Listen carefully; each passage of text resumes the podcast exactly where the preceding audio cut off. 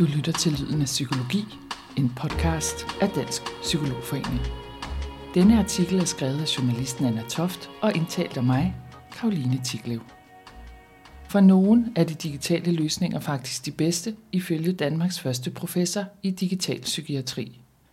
Mia Bæk Lichtenstein er Danmarks første professor i digital psykiatri, der udvikler, afprøver og implementerer digitale interventioner til mennesker med psykiske lidelser – Digital psykiatri kan og skal ikke erstatte face-to-face behandling, men for nogen er det faktisk den bedste løsning.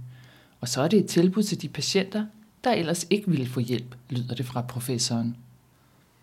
Mia Bæk Lichtenstein har de seneste ni år forsket i digitale interventioner til mennesker med psykiske lidelser. Forestil dig en person, der lider af tvangsoverspisning, også kaldet BED, og har gjort det i overvis. Hun er mor, har et arbejde og alt for ofte er tiden knap. Og så er hun skamfuld over at veje for meget, og ikke kunne modstå trangen til at spise, når følelser som tristhed, stress eller eventuel angst melder sig. Hun har overvejet flere gange at søge hjælp, men hun har aldrig gjort det. Hun synes, det er uoverskueligt at tage til lægen eller opsøge en psykolog. For hvordan finder man modet til at fortælle, at man ikke kan styre sine følelser og sin spisning? Det gør man måske, hvis man kan søge hjælp, når det passer ind i ens hverdag – når man sidder derhjemme og ungerne er lagt, og når man ikke behøver at være til en face-to-face psykologsamtale på et bestemt tidspunkt væk fra eget hjem. Om det er tilfældet undersøges lige nu på Center for Digital Psykiatri i Odense, der 1. maj 2022 udnævnte Danmarks første professor i digital psykiatri, Mia Bæk Lichtenstein. Center for Digital Psykiatri er et center, der dels består af en klinik, en forskningsenhed og en udviklings- og implementeringsenhed – Klinikken behandler angst og depression med guidede selvhjælpsprogrammer. De seneste ni år har Mia og hendes kolleger forsket i digitale interventioner til mennesker med psykiske lidelser. De udvikler, afprøver og implementerer alt fra online-forløb, apps og videosessioner til sensorteknologi og virtual reality, senere også kunstig intelligens. Noget er de længere med end andet, pointerer Mia Bæk Lichtenstein, som fremhæver, at digital psykiatri hverken kan eller skal erstatte eller sammenlignes med face-to-face behandling. Skepsis er sund, og det har jeg også selv haft, og jeg har den stadig. Vi skal ikke tro, at digitale interventioner kan erstattes af et rigtigt menneske, forklarer Mia. Hun understreger, at Center for Digital Psykiatri ikke henvender sig til patienter med svære lidelser og svær komorbiditet – men til dem med lette og moderate lidelser. Men for nogen er digitale løsninger faktisk de bedste. Og så er det et tilbud til de patienter, der ellers ikke ville kunne få hjælp, eller få nogen hjælp overhovedet. Blandt andet fordi de ikke har råd, lyder det fra Mia. Tilbage til patienten, der lider af tvangsoverspisning og føler stor skam, både over sin krop og over ikke at søge hjælp. Her er det Mias pointe, at et online-forløb, der suppleres med skriftlig kommunikation med en psykologi, indimellem er det rette tilbud. De tilbagemeldinger, vi får fra vores patienter, går på, at online-programmet er ekstremt fleksibelt. De kan sidde i trygge rammer og logge på, når de vil, og i øvrigt lidt mere skærmet, hvis de har problemer med at gå alt for meget ud i offentligheden. For eksempel hvis spisetrangen overmander dem, eller når de får det skidt og har brug for hjælp. Gennem et online-program kan de tage deres ting i eget tempo. De kan læse om deres lidelse, lave de øvelser, der er knyttet til programmets 10 sessioner – Skriv til psykologen og få et sprog for deres problemer og deres skam, forklarer Mia. For ja, indimellem er vores program ikke nok, men der skal ikke så meget til at klikke på et link på en hjemmeside, og det er reelt det, der kræves. Men så er de i gang, og det fungerer nogle gange som first step mod at søge endnu mere hjælp. Hun tilføjer, at centret også har et online-program, der ikke er psykologstøttet. Det kan downloades af alle og er gratis for borgeren. Her kan vi nå flere mennesker, nogen der ikke vil få hjælp eller ikke kan søge andre behandlingstilbud, forklarer Mia, der fortæller, at centret også har online-programmer til depression og angst. Desuden er Center for Digital Psykiatri i gang med at lægge sidste hånd på et program til lettere grad af anoreksi og bulimi. Samtidig søges der midler til et selvhjælpsprogram til behandling af alkoholafhængighed og fødselsdepression. Af andre digitale interventioner er VR, altså virtual reality, også noget forskningsenheden på centret koncentrerer sig om. Særligt fokus på behandling af social angst. Forskningen er stadig i gang, og Mia Bæk Lichtenstein understreger, at der ikke på nuværende tidspunkt foreligger endelige resultater. De er dog så langt, at de er i gang med et randomiseret kontrolleret studie, hvor der søges deltagere. International forskning viser dog ligesom centrets forløbige evalueringer, at virtual reality er effektivt i forhold til social fobi. Mia fremhæver virtual reality som et sted, hvor folk kan eksponere sig selv for forskellige angstfremkaldende scenarier og lære nogle hensigtsmæssige strategier, inden man bevæger sig ud i den virkelige verden.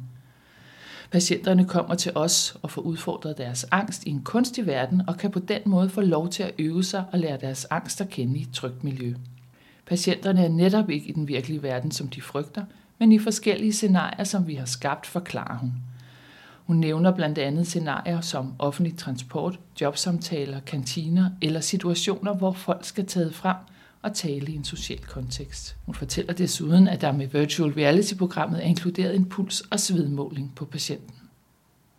Forestil dig, at en person med social angst er ude at køre i tog og bliver bange, fordi en medpassager spørger om noget – her vil vi understrege, om programmet kan nedskalere sværhedsgraden i en svær situation, hvis det for eksempel registrerer, at hvilepulsen hopper fra 60 til 120, fortæller Mia. Omvendt er det hensigten, at programmet opskalerer, hvis pulsen ikke stiger. Tanken er, og det er nu måske også lidt nørdet, at vi ikke kan tilbyde det endnu, men ideen er at bruge teknik til at automatisere processer, der gør, at programmet passer på patienterne. Det gør det mere trygt at prøve derhjemme, uden en psykolog, pointerer Mia Bæk-Lichtenstein. Virtual reality kan bruges som et link mellem eksponering i den virkelige verden og en samtale om at skulle eksponere.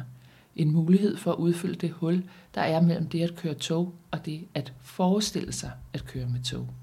At køre med tog i en kunstig verden kan udløse angst, og her er virtual reality et eksempel på en teknologi, der bidrager med metoder, vi ikke tidligere har haft. I virtual reality kan du træne, træne og træne, før du bevæger dig ud i den virkelige verden, fortæller Mia, der også nævner efterfølgeren til virtual reality, augmented reality, også kaldet AR. Med AR kan du lægge et ekstra virtuelt lag ind over virkeligheden og gøre træningen mobil, fordi du lægger AR ind i en mobiltelefon, hvilket du ikke kan med virtual reality, som teknikken er i dag. Det betyder, at du kan eksponere dig selv for, lad os sige, nåle gennem mobiltelefonen og øve dig, hvordan det skal være, når det skal være. Teknikken er der ikke helt endnu, men den er på vej, fortæller Mia. Så er der apps, der dagligt kan monitorere folks følelser, for eksempel angst.